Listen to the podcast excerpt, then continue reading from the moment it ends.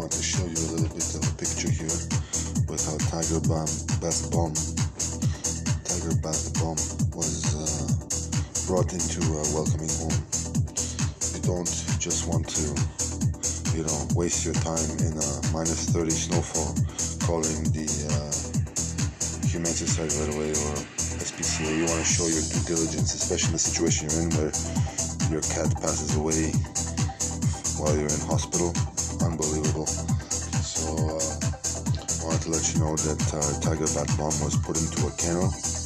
Kennel was uh, already prepared while the bath was prepared to nice bubble bath. Uh, Tiger Bath Balm was submerged into the bath about uh, 10 times 10 times to wash those paws it wasn't it wasn't like uh, uh, deep diving incident. It was more like a half bath dive incident with the kennel. Very good procedure. The whiskers have been straightened. The uh, paws are yet yet to be cut. Tiger Bath Balm needs to relax today. Wait for another executed bath tomorrow. The, the food has been already provided wet food, dry food, um, water on the side. So uh, we did notice there could have been some uh, biting of uh, of ears for or, or or something like that. I call it like a Tyson incident. But uh, we we call we see that the, we may the cat may need some teeth.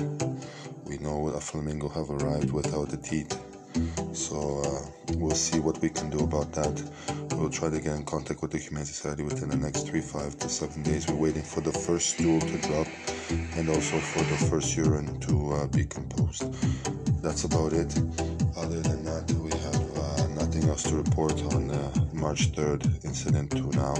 Thank you very much for cooperating, Tiger Bath Balm, for being such a good cat. He loves the owner right now. I opened the door, but he doesn't want to leave, that's for sure. Was at the door, crying, wanting me to open the door. That's a good cat.